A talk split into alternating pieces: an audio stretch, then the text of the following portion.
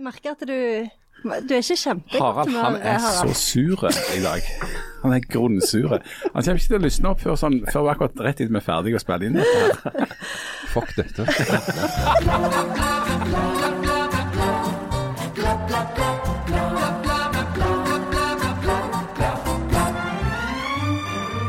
Janne har lest om kvinner og alkohol og slutta å drikke. Nei da. Harald har vært på busstur til Oslo sammen med Halle Suldal og begynt å drikke. Nei da. Jo da. Og meg og Jan har altså fått masse skryt som viste seg å være til Janne. Så er det løye med.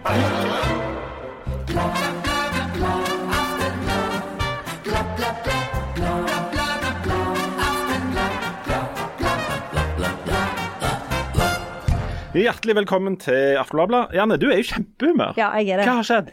Jeg har vært så sur hele uka. Eh, fordi eh, av flere ting som jeg ikke kan diskutere online. Eh, Jo. Online. eh, veldig mye, mm, veldig mange grassat irriterende ting. Sånn, det var ett lyspunkt, og det var det der eh, meldingen om at vi skal slutte å håndhilse. Da ble jeg litt glad. Jeg òg. ja, endelig, liksom. Det er høydepunktet i uka. Det skal så lite til for å glede deg, Janne. Og jeg er så aggressiv og sint at dere aner det ikke. Men du må jo På, på hvem? Ja, Ja, det, men det er overrasker oss ikke. det, ja. Men hvem er det du er så sint på? Folk.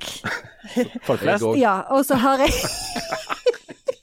Og så svetter jeg så mye. Fordi jeg har en sånn eh, Denne genseren er veldig varm, og så trodde jeg Svetter veldig mye, så jeg trodde jeg var kommet i overgangsalderen, men det hadde jeg ikke. Oh. Men det er jo umulig å kle seg for tida. Ja, det er helt Altså, umulig helt umulig. fremdeles. Og her sitter jeg jo nå Nå er jeg da Jeg er tatt av, for jeg har jo begynt å Altså, jeg er tatt av med genser, Ja. den egentlige genseren. Altså, så nå sitter jeg i en slags T-skjorte. Mens jeg ser Harald, du sitter jo i sånn strikkejakke av, av strikkegenser av ull.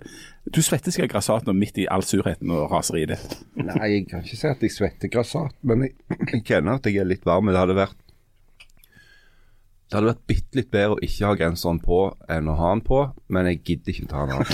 Ja. Og, men sånn er det dette november. Sant? For Du ser ut, det pisser, Ja. det er klissvått, og så ser det iskaldt ut.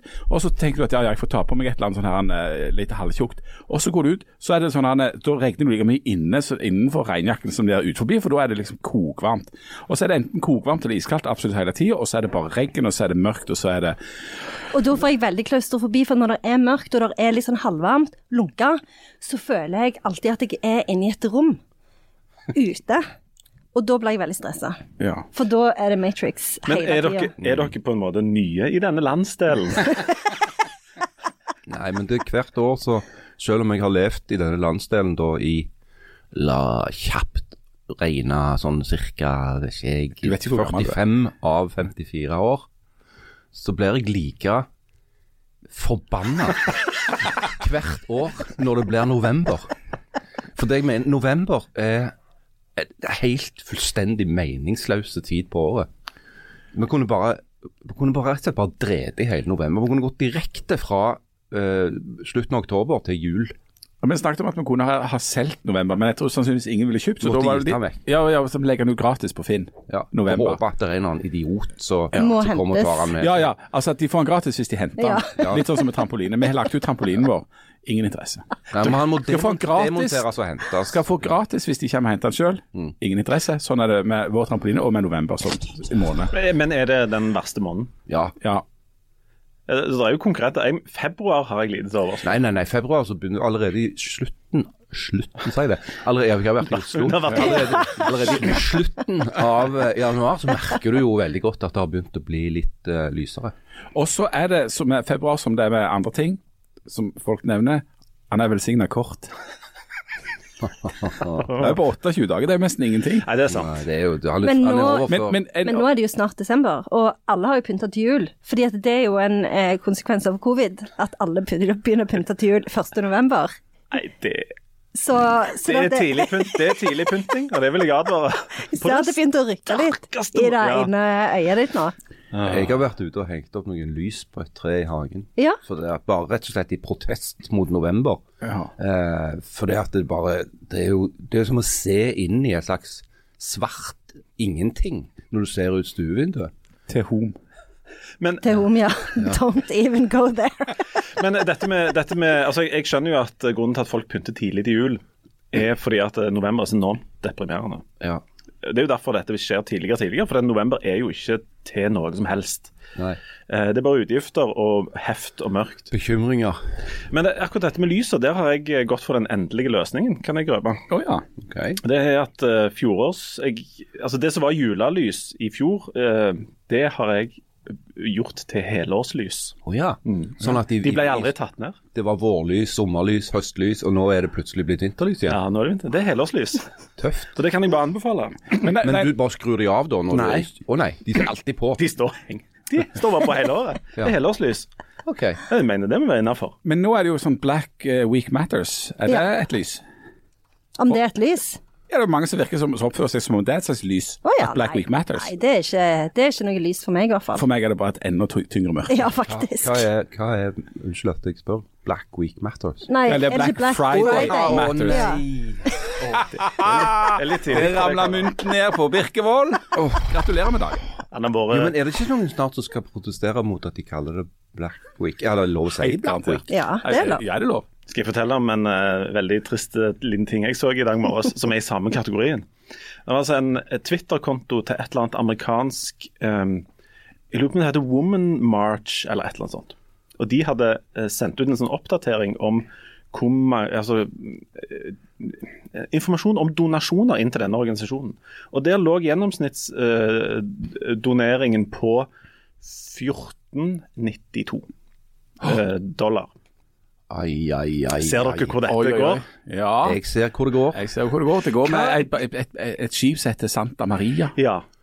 Så de måtte, de måtte, de måtte senere sende ut en beklagelse fordi at de hadde opplyst om at uh, gjennomsnittsdonasjonen var på 1492. Er det sant? Og hva er, hva er forklaringen på dette, Harald Birkevold? Ja, 1492 var jo det året da Kristoffer Columbus og hans eh, skip Santa Maria ankom eh, Karibien. Ekshelten Christoffer Columbus, mm. som nå er folkefiende nummer én. Fordi han oppdagte oppdaget dette Amerika og tok med seg eh, forkjølelse og korona over til Og Hadde ikke han oppdaget Amerika, så hadde vi sluppet alt dette der Trump og inflasjon og Så sånn sett så har vi en god del å være irriterte på han der Columbus for. ja, Ja. Vi har det. Skikkelig ekshelt. Ja. Og satt der, ja. På den annen side så hadde vi ikke hatt Succession.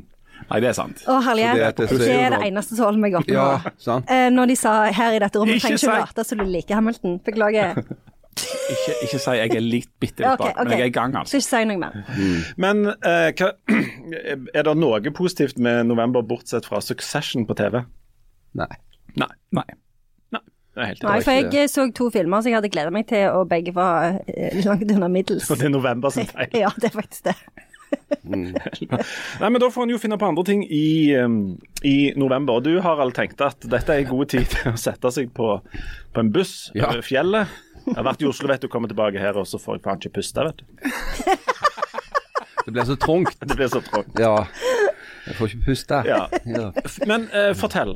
Du er jo glad i bussturer og sånt, Ja, men eh, skuffelsen må ha vært stor når dere kom der og oppdaget at det ikke var taxfree eller ingenting. Nei, det var faktisk litt nedtur. For liksom vi kom over, over fjellet der til Oslo, som de sier, Oslo, så var det, var det jo Altså, det var jo alt det som du forbinder med Oslo. sant? Det var flatt, stygt, fullt av folk og oppholdsvær. eh, Stabilt klima. ja. For det at når bussen forlot uh, Suldal, så var det jo sånn vær som det skal være i november. Det var sånn regn som var akkurat på frysepunktet. Det var sånn en blanding av is og, og vann som kom ned fra himmelen. Og det var helt svart. Fullstendig svart. Eh, og det var en kald trekk. Sånn som det skal være.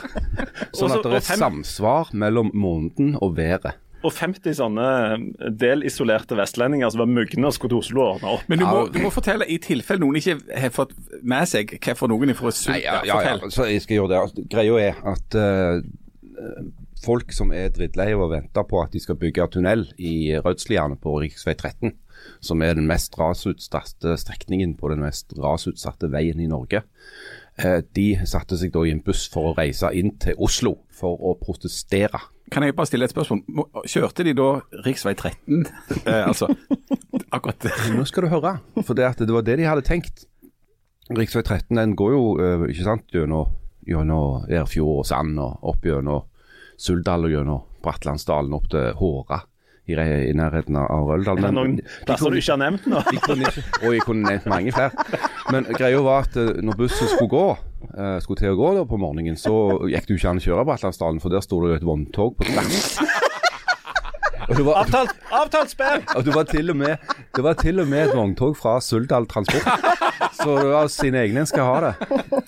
Men det betydde jo da at i hui og hast på For jeg hadde jo da, eh, som den eh, veldig erfarne reiseplanleggeren jeg er, hadde jeg jo reist inn da til, til Sand på mandagskveld allerede for å være klar. For denne bussen skulle jo gå grytidlig til morgenen. Folk i Suldal står jo opp så jækla tidlig. Eh, men det handla jo òg om at de skulle være i, i Oslo klokka to. Eh, Så ble jeg plutselig oppringt da, før jeg hadde omtrent vært i dusjen med beskjed om at jeg burde ha vært ute av hotellet omtrent for en time siden for å rekke å treffe en som heter Hadle, som skulle kjøre meg til Tysingvatn eh, for å nå denne bussen. da. Så det ble jo plutselig græla travelt, så jeg sprang av gårde uten mesteparten av mine eiendeler. Men Og der traff du Stumpa og resten av gjengen. ja, ja, ja. Det var de hele banden. Men der, altså, der var det jo en hel haug med folk fra Suldal da, som satt i denne bussen og skulle kjøre til Oslo. Eh, og så kjørte vi jo, da måtte vi kjøre istedenfor via sånne plasser som Etne og Ølen og Åkra og sånn, for å komme rundt da. Så det tok litt ekstra tid. Men det var en kjekk tur, altså, for all del, når jeg bare hadde fått litt kaffe og Men var du med fordi du er blitt aktivist? Nei, jeg var med for å skrive om dette her nå, siden jeg liksom jobber som kommentator. Så Men hvem var disse folka? Var det eh, Det kommunestyret og, Nei, og ledelsen i det var- Sanitetskvinnen? Det var et par folkevalgte der. eh, det var det. Eh, ja, men, men eh, stort sett så var det jo helt vanlige folk fra Suldal som var drittleie. Uh, for det at veldig mange har jo enten denne veien som pendlervei til og fra jobb, eh, eller de har det som skolevei. Uh, I likhet med veldig mange andre små kommuner så har jo uh, Suldal opplevd å måtte kutte ned på tilbudet, sånn at alle ungdomsskoleelevene i hele kommunen, som jo er den største i Rogaland, de må gå på ungdomsskolen på Sand og kjøre sterkt. da. Um, og for det Suldal er en såpass stor kommune som han er, så, så er den skoleveien ganske lang. Og Hvis du da f.eks. bor i Erfjord, så passerer du da eh, det mest rasutsatte stedet i Rogaland um, to ganger på dagen. Eh, mandag til fredag. Pluss at alle fritidsaktivitetene du sannsynligvis er med på, f.eks. idrettslag, svømmehallen, kulturhuset, alt det der ligger òg på Sand. Så du kjører der ofte en gang til eller to. Og her gikk det et vanvittig ras senest for noen uker siden. Ja, det kom jo ned noen blokker på, på mange titalls tonn uh, i vei, midt i veien der. Uh, og det er jo til og med utenfor, rett utenfor det området som de har lovt da i årevis å bygge tunnel. Um, så jeg forstår jo ganske godt at folk i Suldal begynner å bli relativt utålmodige. Eh, ja. Men dette illustrerer jo noe av For det handler jo mer enn på en måte skyld. Dette handler jo om noe av det som er eh, tendenser og trender og, og politikken i Norge i dag. Ja, ja. Altså, um, plasser der en sentraliserer en del tilbud, og der det er et eh, sånn, et veinett og, og, og, og sånt som fører til at du bunner at du må gå midt i, i veien mens bilene kjører der, og du ender opp med å legge noe grus på sida, så sender de på den heller, og får masse kjeft fra staten. Og altså Suldal og noen områder som er direkte livsfarlige, men der du ikke får gjort noe med det. og Det handler jo om at det koster grassat mye. og Så vet jeg ikke om det er sånn cost-benefit-analyse av hvor, hvor mange sulduller bor det der, hvor mange stemmer er det der, og alt dette greiene. Men er det, altså, hvordan gjør dette seg utslag da, i politikken? Nå, nå reiser de jo da inn til Oslo for å stå og, og holde sånn banner i hånda, men, ja. men hvem er det hvem er det som styrer Suldal? Nei, altså Det er jo Senterpartiet, da. Eh, Senterpartiet har jo eller I forrige valg så fikk jo de nesten rent flertall. Eh, I Sauda fikk de rent flertall. I Hjelmeland fikk de rent flertall. Og i parentes bemerket for en med hovedfag i sammenlignet politikk, her ser du altså hvordan proteststemmene i, i periferien, altså mot nedlegging og sentralisering og alt dette her, har altså Senterpartiet klart å vokse kolossalt på, og derfor sitter de i dag i regjering. Ja. Hjelper det at de sitter i regjering nå når ordføreren fra Suldal, Senterpartiet, kommer inn til Oslo og sier hør, Nei, Det er jo det som gjenstår å se. For at, og, og husk på at uh, Senterpartiet har jo sittet i regjering før òg, uten at det har blitt bygd noen tunnel. Senterpartiet har sittet i regjering mens det har blitt lagt ned like mange gardsbruk som det gjorde når det var Høyre som styrte. Så, så at eh, det er jo en form for avmakt òg overfor disse her store trendene og tendensene. Og, og det er jo ikke tvil om at, i min sjel i alle fall, om at hvis denne her har du en sjel? Ja, eller en slags det, Dette er nytt. Ja. I, I mitt mørke indre er det ikke noen tvil om at hvis denne veistrekningen hadde ligget ørlite nærmere Oslo, så hadde den vært sikra for lengst. Eh, det bor rett og slett for få folk i Suldal til at det, det er politisk korrekt eller politisk fornuftig å bry seg om de folka. Eh, sånn at det, det, trengs ganske sterke virkemidler for å få folk til å forstå eh, hva dette dreier seg om. Og Da tror jeg kanskje at en sånn aksjon som den i går kan ha en effekt. Fordi at du drar inn der, og, og, du kan jo liksom gjøre deg litt morsom på bekostning av folk som lager plakater og reiser til Oslo, tar på seg gule vester og står foran eh, Stortinget og synger en sang som er skrevet på melodien til eh, Ola Tveiten. Men, og det de ikke har fått med seg det mest grunnleggende, at de må ikke ha så mange stavelser i ordet, for det gikk virkelig ikke helt opp. Nei, altså den sangen var veldig vanskelig å synge. Ja. Nå er ikke jeg en, en, sanger, men jeg prøvde liksom å følge litt med i svingene. Han var litt sånn som de der bursdagssangene som Leif Tore pleier å lage. Ja. Sånn, er, ikke må du bygge en kjempevei litt grann fort nå! Ikke, blir, ja, ikke kritiser mitt, egen, mitt, eneste og egentlige talent. Men jeg tror ikke den sangen har så mye med saken å gjøre, egentlig. Men den er jo mer for en slags indremedisinske formål. Han kunne jo hatt en stor uh, rolle hvis han hadde vært litt bra, så det er jo noe å tenke på. Sanger har forandra verden før. Mm. Ikke alle av de har vært bra. Men, men, uansett så tror jeg at altså det som er greia, da, for å forklare dette litt mer seriøst, så er det jo at sånn, sånn veibygging i dette landet, det, det, er jo en ting som de holder veldig mye på med. at Det koster mye penger, og det er veldig mye lokalt engasjement. Uh, du kan òg dra til en annen kommune, Vik i Sogn eller uh, Ulvik, og så vil de òg si at herregud, her òg ramler jo dette fjellet i hodet på oss, vi må gjøre noe nå. Sånn at stortingspolitikerne de må forholde seg til en situasjon hvor de må velge hele veien mellom ganske gode formål som konkurrerer. Derfor har de jo da lagd et system som heter Nasjonal transportplan, som er sånn lang Den nye nå, perioden den varer fra 2022 helt til 2030, og det er bare den første perioden av to. Mm. Uh, og Det er et forsøk på, på en måte, å ordne køen. Sant? Og si at disse tingene prioriterer vi i denne perioden, disse prioriterer vi i neste. Og Det som er kampen som kjempes da nå i Suldal, det er jo å få flytta dette prosjektet litt fram i køen, sånn at de kan komme i gang. For de har jo til og med fått lovnad både fra kommunen og fylket om at hvis de bare får grønt lys og tommelen opp fra staten, og Oslo, så kan de forskuttere dette. De kan komme med pengene sånn at de kan begynne å lage den tunnelen. Og Da kan de kanskje begynne allerede om to år. Hvis det ikke skjer noe, så kan det ta ti år til.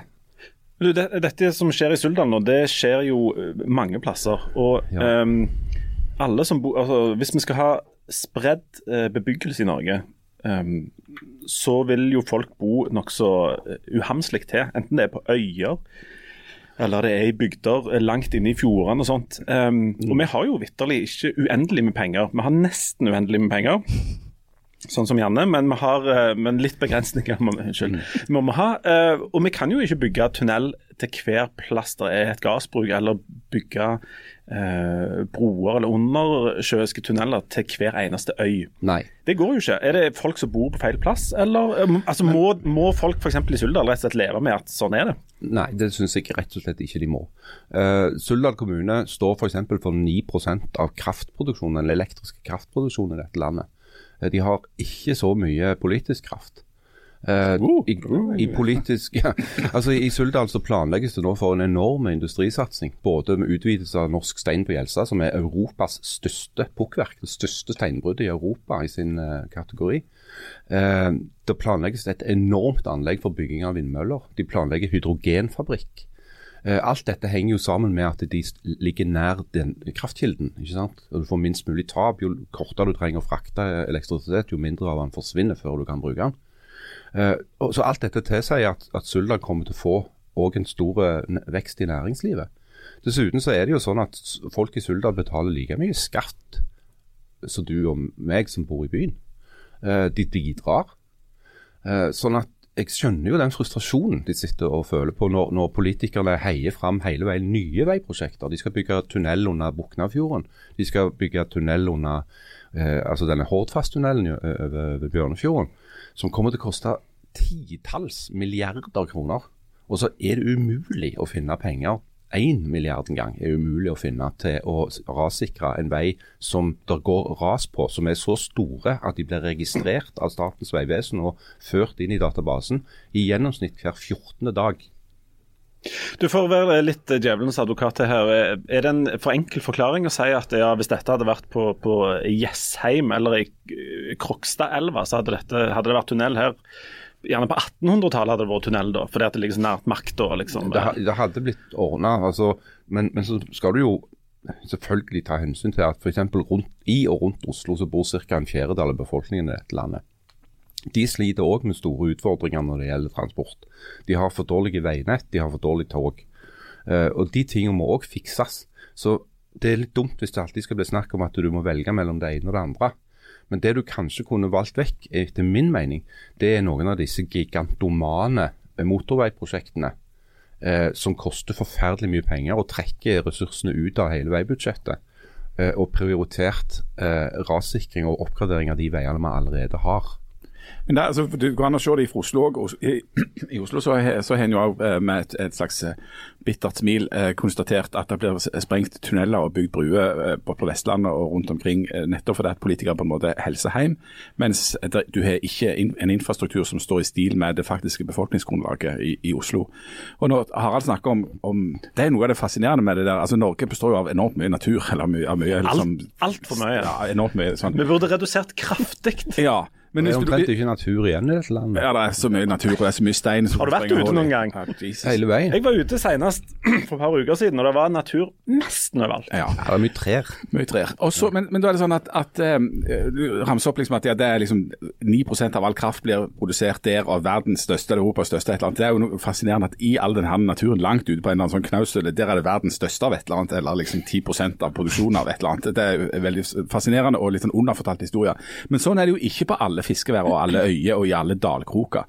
Eh, sånn at hvor, hvor, hvor er det du skal sette grensene på en måte for for at du sier at nei, vet du hva, dette kan vi ikke fikse.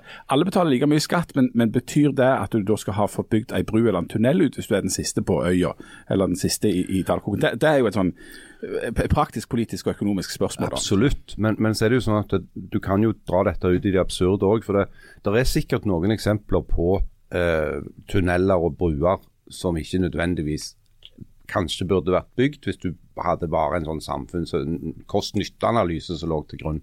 Og det er klart at Jo flere folk som bruker en vei, jo tettere den er der folk, eh, mange folk bor, jo mer på en måte i gåseøyne samfunnsøkonomisk lønnsom er den. Ja. Men igjen, altså Riksvei 13 ligger nå der. Eh, Det er i tillegg den raskeste veien mellom Stavanger og Oslo. Eh, mange har oppdaget det nå, fordi at vi har en tunnel nå som til, går til Solbakk, og det er blitt bedre ferjeforbindelse mellom Hjelmeland og Nesvik, sånn at mange flere velger den veien. For eksempel så, for å gjenta dette med sånne store ting, altså Norges største fiskeoppdretter, Movi, eh, ligger på Hjelmeland. Eh, De kjører mange tusen trailerlass i året forbi det der eh, rasutsatte stedet, fordi at de har oppdaget at det er den raskeste veien til Østlandet. Sånn at det er mye trafikk, og mye mer trafikk nå på den veien enn det var før. Sånn at det, det, er ikke, det er ikke en vei til in, ingen plass. Det er en vei som blir brukt mye. Men han er altså den samme standarden, den samme bredden eh, som han var den dagen han åpna i 1965. Det har ikke skjedd noen ting. Men eh, så du mener at eh, det er viktigere at eh, de vi får en skikkelig vei til og fra Suldal, enn at jeg sparer 20 minutter når jeg kjører til hytta? Ja. Jeg er jo kraftig uenig i det. Altså, Men når, når, eh, så Janne skal fremdeles bruke tre timer for å komme seg til Dyreparken. Mens de i Suldal der, de skal liksom Å nei, vi har så stor vei, vi kan kjøre liksom åtte i bredden innover der. Ja, ja, for det er det de planlegger. Ja, ja, ja, det er sånn det er åttefelts tunnel gjennom hele Suldal. Det er det de skal ha. Hvorfor skal de ha 130-sone innover til Suldnes der? Og hva var det de kalte de? Bykrafjord, eller de Ja, andre sånne bygdene der? Huff, Er det, er det sånn tunnel som det skal gå an å gå tur i? Eller er det Tunnelene, hørte du de? De hadde vært for å skulle gå inn og se på det. Kammer. Det står veldig friskt. Hva var dette? Nei, det Det var var, en de måtte jo stenge Ryfast her en dag, fordi at det var noen som hadde familie som hadde bestemt seg å legge søndagsturen inn til å se på det blå rommet midt inni der. Ja, Det slo oss som en god idé der og da. Ja, Og, fordi bilen ville ikke starte. kom igjen unger, vi går.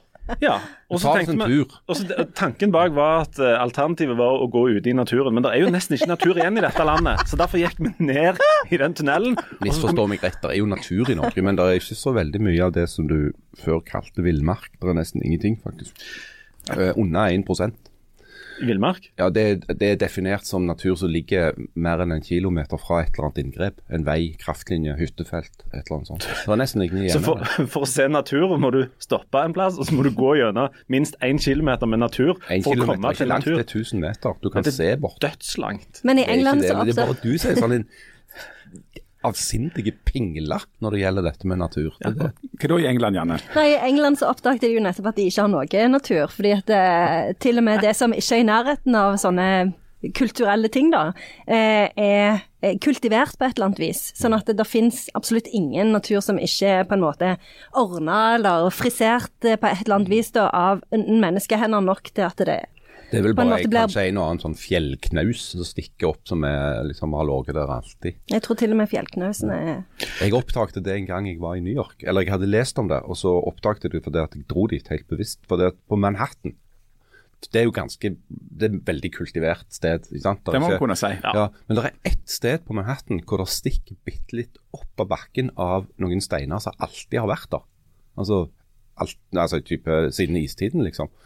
Eh, Så det er det eneste stedet på Manhattan hvor det er noe som faktisk er natur, som er sånn som det var før. Hvor er det på Manhattan, da? Det er helt, helt, helt nord, eh, på nord, nordspissen av Manhattan, på et sted som heter The Cloisters. Eh, så der la jeg da turen, ens ærend for oss å se den der lille prikken med natur som finnes på Manhattan. står det skilt sånn? Ops, Nei, det nature. er ikke det, men, men det er en slags park, da. Altså det, det var visst et, the cloister, er ikke, Hva betyr The Cloister? Er det rett og slett et kloster? Ja, jeg tror det. Ja. Så, så det er en eller annen gammel kirke eller et eller annet eh, religiøst sted da, som bare er noen ruiner og så er det noen trær, og så er det den der, de der steinene der nede. Det er tydelig at du er veldig skeptisk til trær som natur. Nei, jeg Du er liksom bare bare noen trær er en gjennomgangstone. det, det er eh, ikke natur bare fordi det er grønt rundt deg. Altså, altså, Så jeg, Mosvannsparken er ikke natur i den forstand. Sant? Det er mer, det er mer en, slags, eh, en Ok. slags hage. OK, Harald Birkvold, hva må til for at, at vi skal ha natur? Nå er jeg veldig spent. Han hadde jo en definisjon. Ja, at det er en kilometer ifra Nei, det er villmark. Det er villmark. Det er villmark. Ja. Der er, der er en god del natur i den forstand at det er utendørs og det er grønt rundt deg. Men veldig mye. Husk på det at til og med når vi går, som Janne ganske riktig sier, hvis du går på eh, fjelltur i eh, Hjelmeland? Eller Forsand, så er veldig mye av den naturen du går gjennom egentlig et gigantisk kulturlandskap. eh, som, er, som er et konsekvens av at det har blitt brukt til beitemark og vedproduksjon og vet ikke hva i tusenvis av år. Sånn at landskapet er veldig annerledes enn hvordan det ville sett ut hvis det ikke hadde vært inngrep. Ja, eller folk, da. Eh, Det, jeg mener jo at Ja, altså det, inngrep. men det må jo være greit at folk Ja, for all del, men jeg bare, det er en del sånn romantikk rundt dette med natur. Greit og greit, problem. For det at vi, vi dominerer den naturen nokså voldsomt. Men det er jo antroposen. Det er Det er jo den tidsalderen vi lever i. Ingenting gjør med det. Ja, når mennesket har uh, Jeg trodde det var sånn febernedsettende greier. Altså, vi, kjør, vi kjørte jo, jeg vært på kjøretur på, gjennom Vestlandet uh, i sommer, og det slo meg jo at det var enormt mye natur i Norge, men, men jeg visste ikke at jeg tok feil, for jeg kjørte jo på et inngrep. var ikke- Derfor var det ikke eh, Og det var ikke natur det du du så, det var trær og busker og ville dyr og sånn forskjellig. Og det er ikke natur med mindre de er én kilometer så ifra neppe, du så neppe mange ville dyr på den turen. Jeg så mennesker, mennesker er jo et slags vilt dyr. Det er bare Har du vært i Odda noen gang? Det er jo for så vidt sant. Hvis du har vært i Odda, så ser du Jeg- jeg dyret på sitt villeste. Smelten satan Torleif og drog til Bjørnar rett i fleisen. Han hadde sagt til han at du, det er hundepikkja. Ja, Farkatten er du tror smelten renner nedover så gull og gråstein lager med det. Jeg har vært på, jeg har vært på, på fylla i Odda, så jeg vet jo hva menneskenaturen kan by på. Ja. Du, vi må ta Så en kommer Morris inn på smelten og bestilte seg ei øl. Han drakk han i en slurk. Det er, det øver med andaktene, men jeg frykter at vi kommer til å få Hva sånn Grytten-time? Ja, ja. Spesial. Jeg er fra Odda. Arbeidere, forein dere!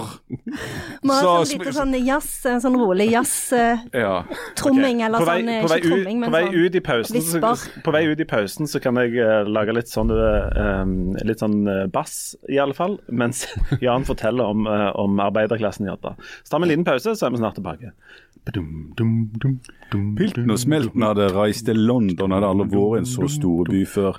Hadde fått lønning, hadde jobba jækla mye overtid.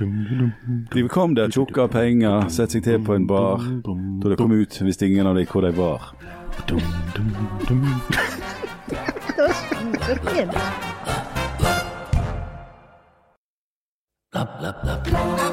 Grytten-timen.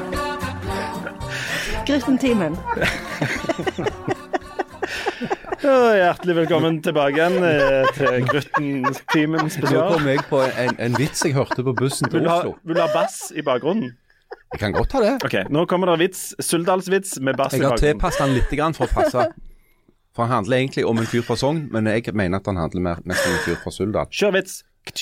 Ja, det var en, en kar da fra, fra Kvildal som hadde reist inn til Oslo med Hadde lommebok og fodla penger.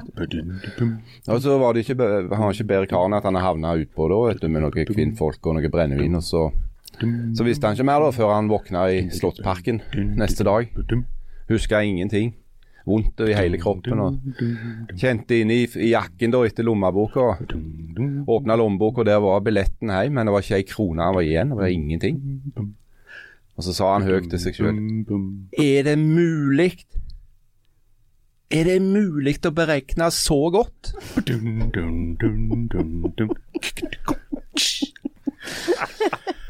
Grytten-timen og vitsehjørnet. Det er det vi liker.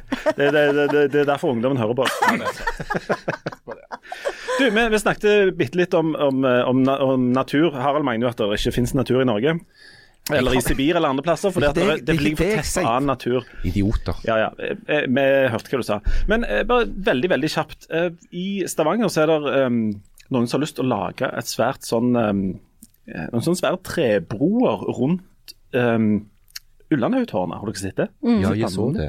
Ullandhaugtårnet er jo Er det høyeste punktet i Stavanger, dette? Du har jo Nei. besteget eh, høye punkt i alle kommuner. Nei, Ja. eh, jo, eh, i, Stavanger er det jo ikke det. Det er jo Bandåsen på Ombo. Men, men Følg litt med. Men, det ligger langt inne i i gamle, gamle, gode Stavanger kommune så Ja. var etter min mening så er vel Jåttånuten og ørlite høyere enn Ullandhaug. Men Men, hadde det vært- vi snakker om, det er detaljer her. Hadde det vært tøft å lage noe sånt oppå der, eller forstyrrer med ikke naturen, da, men trærne og blomstene? Altså, Det er jo allerede en ganske stor forstyrrelse på Ullandhaug, hvis noen har lagt merke til det. Men det står et enormt svært tårn der, eh, og det lyser òg. sånn at det, vi snakker ikke her om liksom eh, Serengeti-slettene. Eh, nei, vi gjør ikke det. Definerer du det som natur? Ja, Ja, det er. ja, det, ja deler av det. Helt øst så- så- Er det litt jeg- grann natur? Jeg, jeg la merke til det. Jeg har bare sett på den debatten litt sånn ut av øyekroken, for jeg har jo sittet på en buss mye i det siste. Men, men jeg, jeg så det var noen som sa at dette ville ødelegge Sørmarka, forsto jeg. Um, OK. altså Sørmarka er jo da altså et sted eh, det, det er en, en gammel radiostasjon uh, fra krigen, så tysk, tyskere tyskere som bygde den. De som ødela Ja. naturen. Så de hadde jo noen grassate radiomaster der. Så etter krigen så ble det da en planteskog. De satte opp noe sitkagran uh, som kommer fra Amerika.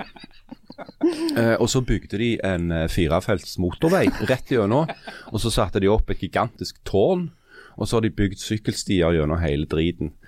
Eh, så det er det vi kaller da natur på, på våre kanter. Skikkelig urørt. Ja, dette er Her er det, kan du nyte, liksom. Det er, det er noe av det opprinnelige. Dette er det Ja. siste innslaget vi har av tysk natur i, i Norge. Det må vi huske på. År. Og det må vi bevare. Ja, de har òg i store deler av Sørmarka har de jo da bygd et, eh, et universitet eh, og et oljedirektorat og nå et sykehus og litt forskjellig òg i den da, urørte naturen. universitet òg, da? Ja, de har vel òg et slags universitet oppå der, så de kaller det. Ja.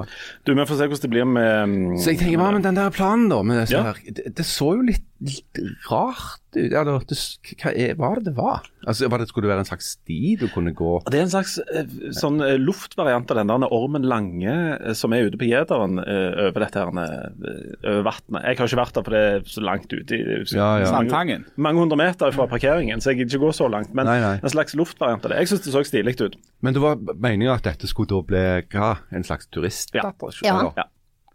Ja, hva tenker du, Janne? Er det Bra, Det dette? syns ser dritskummelt ut. Det er jo enormt Jeg får alltid eh, det, det er jo veldig høyt, det der tårnet. Ja, det er det. Ja, og, og, og jeg kommer ikke til å gå på den der stien. Det kan jeg love. ikke jeg heller, men det er fordi det er så langt fra, altså det ligger for langt ute i naturen Ja. for, mitt, for min smak. Men hvis du har høydeskrekk, så du kan jo drikke deg til mot. Ja.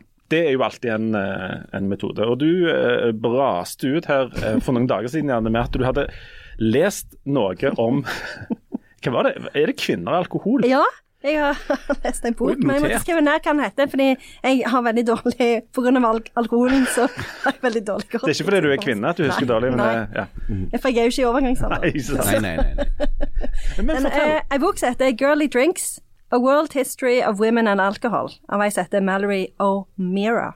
Men Og den eh, Og den har du lest? ja, Ja. og den tar delvis utgangspunkt i Jeg skal ikke snakke lenger om den, men Jo, jeg skal bare snakke litt om den. Eh, for den tar utgangspunkt i eh, dette her med at eh, kvinner nå drikker eh, nesten like mye som menn. Du har liksom wine moms og alle de, de der. Eh, og er det et problem? Fordi at eh, hvis kvinner drikker like mye som menn, så er det jo ingen som kan ta seg av det tredje skiftet, f.eks. Eh, og samfunnet raser potensielt eh, Men det, sammen. det tredje skiftet har han aldri hørt om, aldri deltatt i. Jeg tror ikke du sier det tredje kjønnet nå, Det tredje ja. skiftet er jo feminismens siste skanse. For det har jo med når, når både eh, mor og far eh, jobber, så er det jo eh, eh, deling av husarbeid.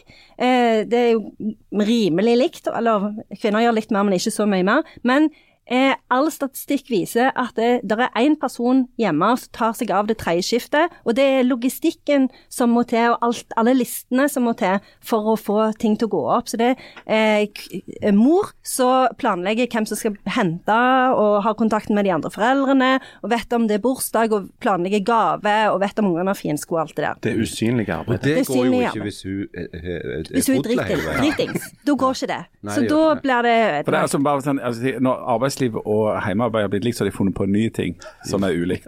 ja. Nå, finner det på, finner det på, nei, Jan Sahl. Det er ikke funnet funnet- Det er de funnet på en ny dritstre... ting. Men la oss ikke snakke om det, for vi skal snakke om alkohol. Men så eh, poenget eh, til hun her Mallory O'Meara, da, er at eh, Gjennom alle år så har eh, kvinners forhold til alkohol blitt eh, ganske sånn regulert.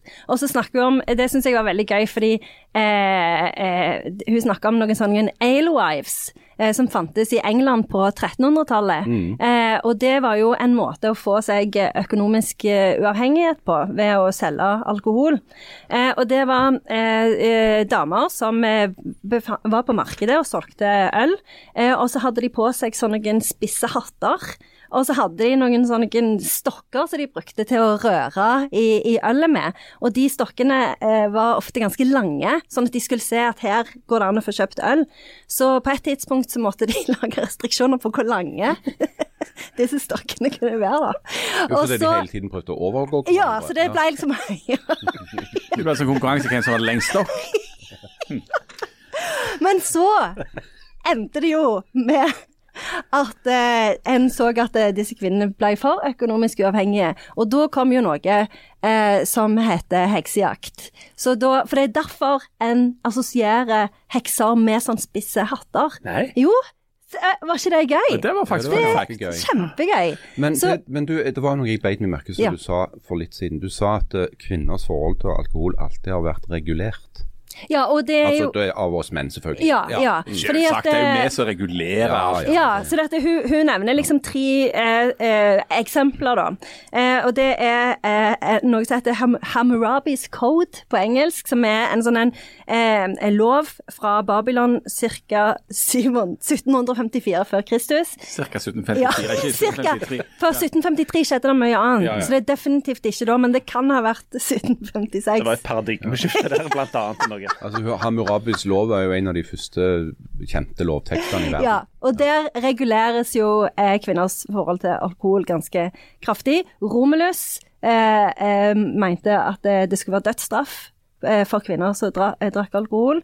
Og så har du òg The Gin Act i 1751, som òg gjør det ulovlig for kvinner å handle i Eller sånn drive med sånn og, og produsere alkohol. Da. Så det er mye, mye det med eh, altså, eh, På en side så har du dette med produksjon eh, sånn at en skal hindre kvinners uavhengighet. Og på den andre siden så er det jo det med at kvinner helst ikke skal innta eh, alkohol. Eh, og, eh, men så har du jo ja, det har jo det, men så har du jo òg eh, har du jo også alle disse her eksemplene på at det har vært lange tradisjoner for at sånn som For eksempel så peker de på ordet 'bridal'. Eh, som i, eh, egentlig viser tilbake til en engelsk tradisjon eh, eh, om å ha bride ale. Som gikk ut på at eh, bruden eh, kalte sammen til en sånn stor fest eh, hvor de drakk seg kanakas på, på øl, da. Mm. Men, Så- ja. Ja.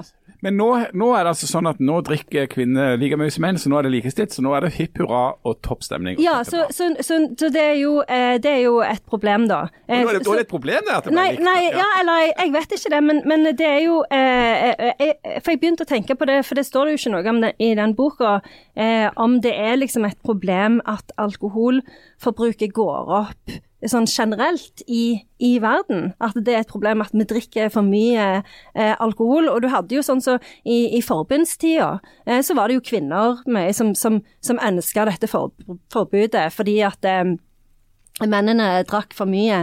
Eh, sånn, men da, allerede da så hadde du jo ganske sånn sterke eh, kjønnsroller, for det begynte jo på 1800-tallet med at det, menn, altså at du fokuserte mye mer på at menn skulle være maskuline, og, og at kvinner skulle være feminine, og at det, var veldig lite feminint å drikke alkohol. Og, så at du hadde jo allerede en del sånne sterke kjønnsroller i, i sving, da.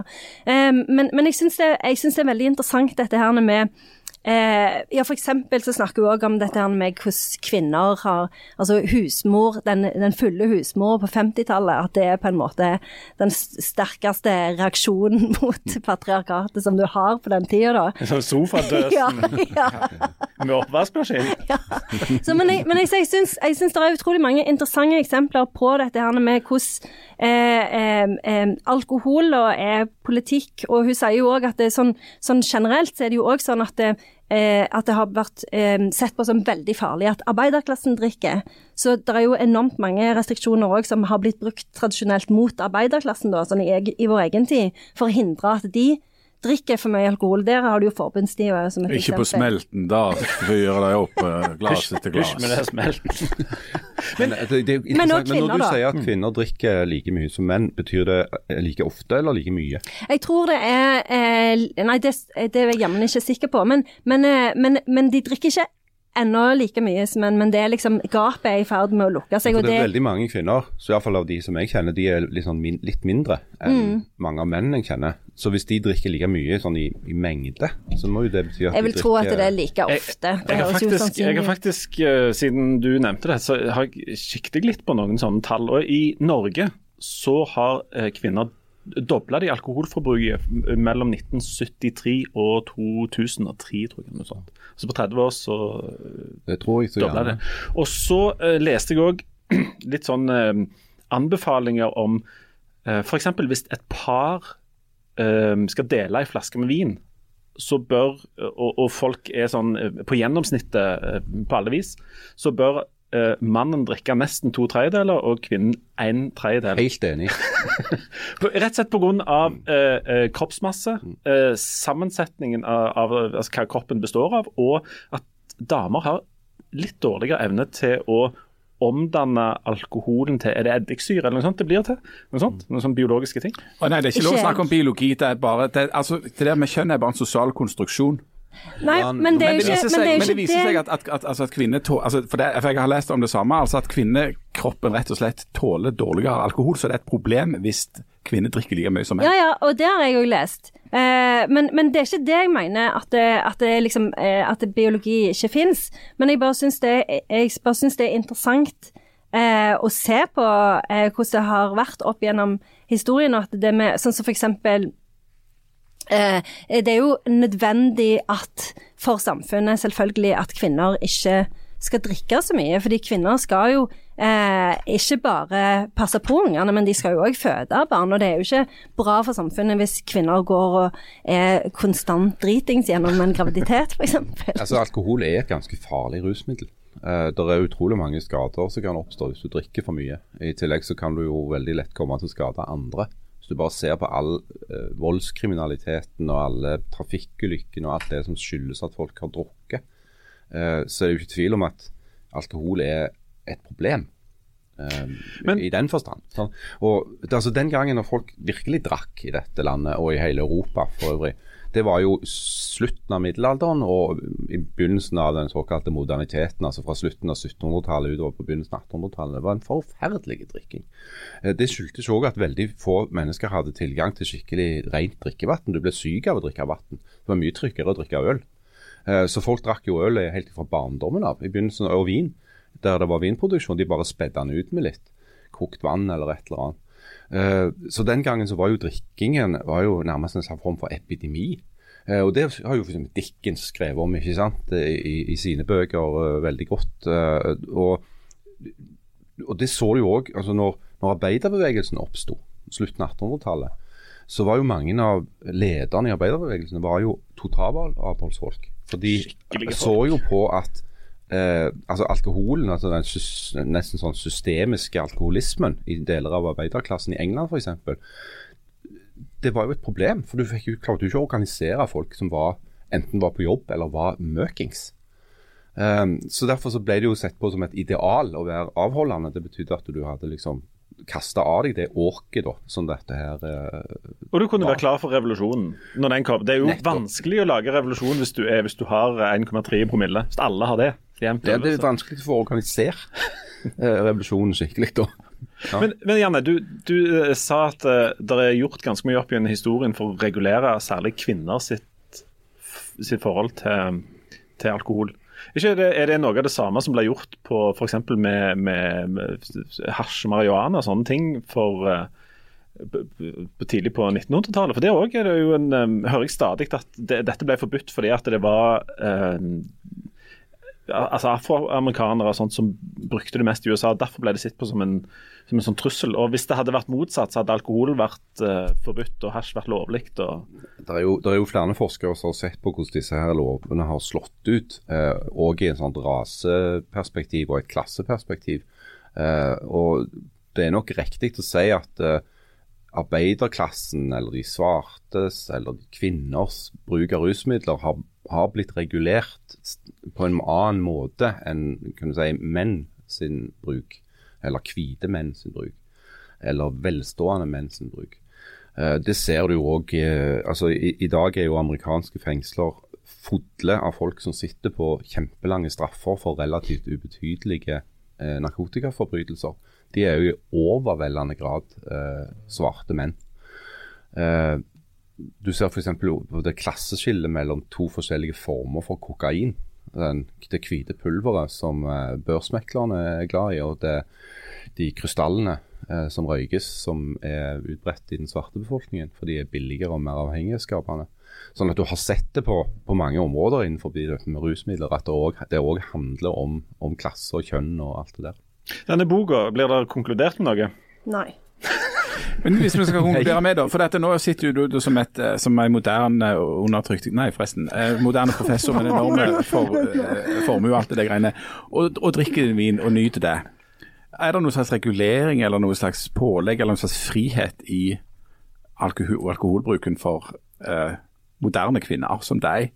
Hvis, om det er klasse eller kjønn, jeg vet ikke hva det er for noe. Men altså, ja, er, det, er det bra nå, eller er det dumt? Eller er det Ja, altså, eh, det er jo eh, selvfølgelig For dette, dette handler jo om Eller dette er jo en world history, eh, men hun tar jo ikke for seg f.eks. Eh, hvordan eh, muslimske kvinner eh, eh, Det snakker hun nesten ingenting om.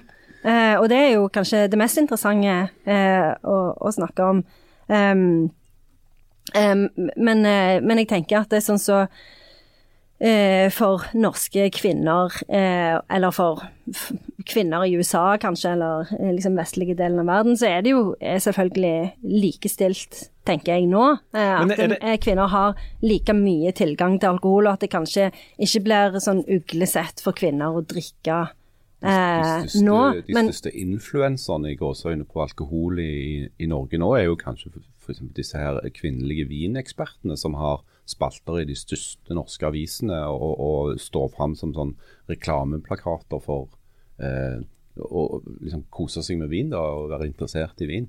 Ja, for det var det at det, for det med å, å være interessert i alkohol nå, det er jo det vi har gjort det om til å være et slags sånn livsstilsspørsmål. Så det, det med å, å drikke mye vin nå er jo mer sånn jo, men jeg er så kjempeinteressert i akkurat den drua, og ja, det er mer, har mer med, med, med gane å gjøre. Men, men så er det jo òg dette her spørsmålet om, om sunnhet, da. Er jo, så det har jo òg blitt gjort om til sånn et spørsmål om å være sunn. For det er jo òg en del influensere som er veldig opptatt av at de er, eh, er ikke- At de ikke drikker alkohol pga. at de tar vare på helsa si. Eh, Så, eh, så jeg tenker at du, i, i vår, altså den store middelklassen i Norge i dag, så er det vel er mer snakk om et sånn livsstilsspørsmål enn enn noe annet, da. Men er det, er det annerledes for, uh, altså, for deg og, og Jan å bli litt påseilte på, på julebordet? Jeg tror det oppfattes annerledes når damer drikker mye enn det Nei, de gjør jeg med menn? tror ikke det. Jeg tror det blir oppfattet som like ubehagelig om en mann er full eller om ei dame er full. Men jeg synes det var, det var en sånn litt interessant definisjon av alkoholisme her.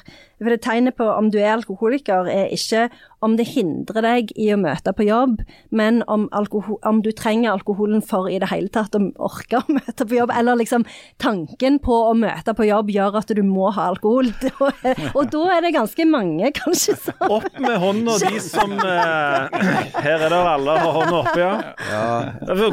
komme gjennom dette. Edru Harald, det ser er en ikke syn på. at jeg er litt så sur hvis vi sånn, skal spille inn podkasten tidlig på dagen, for da har jeg ikke rukket å begynne å drikke, liksom. Så, altså. For Du vil gjerne vente til du har fått i deg et par glass, gjerne sånn i ti-halv elleve-tida på formiddagen, før vi liksom kan svinge i gang. Jo, bank i bordet, altså. Det, det må være fælt å, å, å ha det sånn. Eh, det, er ikke, det er ikke helt der ennå, heldigvis. Det, Men jeg mistenker jo at det er et problem. At det, er et problem at for mange drikker for mye alkohol. Mm. og det er jo det er jo sånn som Harald sier, det er jo ikke bare det at det eh, fører til mange skader, men det er òg veldig lett å skjule det. Så, så, det så, så jeg tenker at det, at det er jo veldig interessant at det, at vi er et sted hvor både mor og far drikker, men hvem skal da ta vare på ungene? Ja, men er jo, er liksom, alkohol er jo veldig uproblematisk i, i vårt samfunn. Og det er bare at det finnes et begrep som wine moms, eh, gjør jo at du liksom At det viser jo at det der er mye drikking på gang. Jo, men, men du, alvorlig talt, du, du skal jo drikke en god del før du liksom blir ute av stand til å planlegge en barnebursdag. Ja, det, og, og det er jeg helt enig i. Men du skal drikke Altså, se på deg, f.eks. Altså, du har klart det, det, denne balansekunsten ganske godt. Ja, jeg, eh, jeg pleier ofte å tenke på det, hvor fint jeg har løst du, du skal òg drikke en god del for å komme gjennom den barnebursdagen som du har, har planlagt i litt sånn uh, Og for å bearbeide den etterpå. etterpå, så det- ja. Når de har gått, Ja. og du kan liksom sette deg ned og tenke at herregud, heldigvis er det et år til neste gang. Men hvis det hadde kommet en eller annen gründer nå på sånn 17,5 og, og, og satt hadde en kjempegod idé og, og presenterte jeg har lyst til å lage ei gift som folk kan drikke jevnlig. Og hadde de fått støtte fra Innovasjon Norge for å liksom komme med alkohol nå? Ja, De måtte i alle fall dratt inn til Oslo, da. ikke sant? Og så, og så, og så skjenket opp litt til de folka i Innovasjon Norge, sånn at de skjønte hvor bra det var. Er det noe rødt og noe blankt eller hvitt, eller litt forskjellige farger hatt på det, kanskje? Altså, det er jo sånn vanlig ting å si, f.eks. i rusdebatten. Uh, at uh, hvis alle, alle rusmidler hadde blitt stilt likt når det hadde begynt på null, og ikke visste noe om noen av de, uh, så ville jo ikke alkohol vært et av de første som hadde blitt tillatt. Det er helt åpenbart. For det alkohol eh, sammenlignet med andre rusmidler er dritfarlig. Det er bare noen få andre rusmidler som er farligere både for individet og for samfunnet rundt individet enn alkohol. Det er sånne ting som f.eks. metamfetamin og heroin. Mens stoffer som cannabis og psilocybin og LSD og til og med kanskje kokain er mindre farlige enn alkohol. Og Det er det godt vitenskapelig belegg for. Sånn at hvis, du, hvis du hadde nullstilt, så hadde ikke alkohol vært lovlig i dag. Det er jeg nokså sikker på. Du Linda, du er jo nullstilt, nullstilt i forhold til dette med, med rus, da, bortsett fra Jesu eh, rus. Eh, så du, du er jo i den situasjonen at du kan velge nå når du skal begynne å eh, bruke slash misbruke eh, rusmidler. Hvilket rusmiddel hadde du tenkt du skulle ta fatt på? Nei, Jeg hadde jo ikke tenkt å egentlig holde på særlig med noen rusmidler, men jeg gikk jo på en kjempesmell da vi var borte i Oslo der. Og du hadde med deg Det er jo i Oslo det skjer. Syndens Ja. pøl. Og jeg regner med at de i Suldal òg fikk kjenne på dette. Å, så voldsomt. Du kom der, og så hadde du ikke tilgjengelig bil, og du hadde liksom øh, Nei, altså, ja, drog jo Med altså, de hadde lagt opp det Oslo-greiene hadde de lagt opp veldig bra. For det at de kom jo til Oslo sånn utpå ut på ettermiddagen i to-halv-tre-tida, og så dro de jo igjen veldig raskt etter at de var ferdige med å demonstrere foran Stortinget. Sånn det, og det var jo sikkert fordi at de ikke skulle falle ned i denne eh, boblende gryta av, eh, av, av synd og, og, og skjørlevned som Oslo er, da. Det hørtes egentlig litt kjedelig ut. Altså, jeg husker fra min eh, studietid når vi drev og demonstrerte rundt forbi og gikk rundt i gaten og klagde på et eller annet, eh, noe som var for høyt eller for lågt. Da var jo hele poenget var jo at først går du rundt i gatene og roper nei, nei, nei, eller ja, ja, ja. Og så går du jo ut etterpå og drikker øl og er kjempeenig om at nå har du jammen meg satt skapet på plass Som de har jo hjemme i Suldal òg. ja, men hvis de, kom, hvis de reiste da i tretid, de var jo hjemme når det var etter at det var stengt. Ja, men det var jo, det var, det var jo en eh, Dette var en alvorlig tur. til De skulle jo inn der og si ifra. Vi var jo alvorlige når vi gikk rundt i gatene og hylte, og etterpå så gikk vi inn og så tok vi oss et glass øl. Så de måtte jo hjem igjen. De skulle jo på jobb og på skole. Og, Skulle de kjøre den veien da? De skulle jo produsere 10 av all pukken i, i, i. Europa.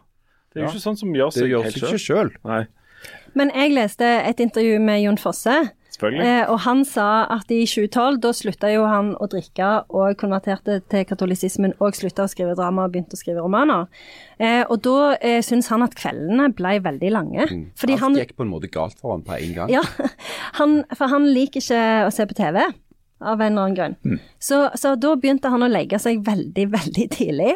Samtidig med ungene nesten. Og så sto han opp veldig tidlig og begynte å skrive. Men Da har jeg en beskjed til deg, Jon Fosse, jeg vet jo du hører på. At du må begynne å se fjernsyn. Hvis du skal være så vanskelig som det der, så mener jeg vi skal frata deg denne. Han har jo sånn eh, kunstnerbolig og, og sånt. Ja, stemmer hvis, det. ikke, hvis du skal være så vanskelig at du ikke kan se på fjernsyn, da det er det din egen feil. Jeg hørte en løgnhistorie. Eller var du ferdig? Jeg skal bare si at det, for det er jo veldig interessant det der med den sosiale biten òg, at du eh, samles eh, for å drikke. Eh, dele ei flaske vin eller et eller annet. Og så, for det er jo òg den samme grunnen til f.eks. han Michael Pollen, han der nede som skriver mye om mat i Amerika. Han sier jo at det, grunnen til at han ikke er vegetarianer, er liksom at det er så utrolig mye kultur og tradisjon og sosialt eh, samvær knytta til eh, kjøtt. da. Og, og liksom det med å sitte rundt et, bord og, og, og dele mat, og, og dele alkohol. da. Så det, så det er jo altså det er jo en del sånne sosiale ting òg som er veldig interessante, og det òg har jo med hvem som blir inkludert og ekskludert å gjøre. Mm. Og det kan bare, skal jeg bare opplyse om én ting. Um, og det er at Hvis du f.eks. er avholdsperson, sånn som jeg har vært eh, helt litt sånn ufrivillig og uplanlagt, og sånn, så er det ganske mange ting du ikke blir invitert til. Og det er ganske sånn sosialt interessant. Ja. Fordi at um, eh, for eh, Det tror jeg skjedde for sånn 10-15 år siden, at det har begynt å bli veldig mange eh, som drev på med vin og øl på et sånn et nesten sånn akademisk nivå. Altså Du møtes, og så drikker du en kasse med øl fordi at du er så interessert i, i humlens eh, Flukt. Ja, flukt. Og jordsmonnet i, i, i gjær eh, som er kommet fra sånn, sånn, sånn. Ja. sånn. Um, så det er faktisk um, det er faktisk en greie. Ja, folk finner på all slags unnskyldninger for å drikke. Ja, eller folk fant på veldig mange unnskyldninger for å ikke invitere meg på ting. Det var nok antagelig. Og jeg velger jo å tro at det ikke har med personlighet å gjøre, for det hadde, det hadde vært enda tristere. Og jo flere vekttall de har, jo flere sånne eh, konstruksjoner må de lage da, ikke sant, omkring dette. Og lage, lage en slags vitenskap av det. uh, med vin, f.eks. Eller intellektuelle som er interessert i fotball. De er jo interessert i fotball på en annen måte enn vanlige Og folk. mye på en helt annen måte. Helt, Helt annen måte. Mye, mye mer analytisk. Du, vi, må, vi, vi, vi er nødt til å avslutte, men jeg tenkte til slutt Jeg har egentlig en, en gammel drøm. Du, vi snakker om dette med å protestere. Du og jeg har en gammel Å ja, for jeg var mer sånn på Jan Hoel. Har en drøm om å komme Skal vise hele verden Nei, du er mer sånn Sauda-drømmen Ja, okay. Drømmen er å samle over 1000 mann, og så reiser til Oslo og protesterer. Gule vester og, og sånne skilt og sånt. Der, der står nok er nok og aldri mer og eh, vi er krever å bli hørt. Ja, og sånt. Og så bare samla til en sånn generell protest. Altså ikke, ikke Altså det spesifikt ikke er protestere mot noe. Nei. nei, Men bare- b- bare se om det går an å få noe oppmerksomhet på liksom, at du samler det, enormt mye det folk. gjør vi jo i Norge hvert fjerde år. Vi kaller det for stortingsvalg. Dette kommer fra en person som mener vi ikke har natur i Norge. Eh, Og bålet skal varme og brenne Det skal bli Og dill og gamle glør. Det skal bli skal dill. smelte ned. Det skal bli dill av gamle glør. Det skal bli bål av på- gamle Ja. glør. Eller dill. Bålet skal varme Det skal ikke bli dill av gamle glør. Jo. Og dere har hørt altfor lite på, på folk på Sauda. Men um, jeg, tror vi skal, jeg tror vi skal gi oss. Vi mm, avslutter med selvfølgelig ei kort hilsing fra Odda. Der, der eh, vi får en, eh, et ønske om eh, Om god november. god november. Pilten hadde slutta å møte opp på smelten tidlig på morgenen.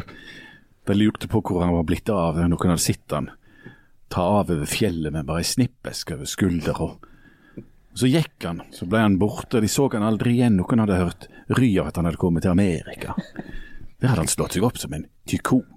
Ingen som på smelten som visste hva en tykon var. Og jækla rik. Så smelten til Pilten. Ha det! Ha det.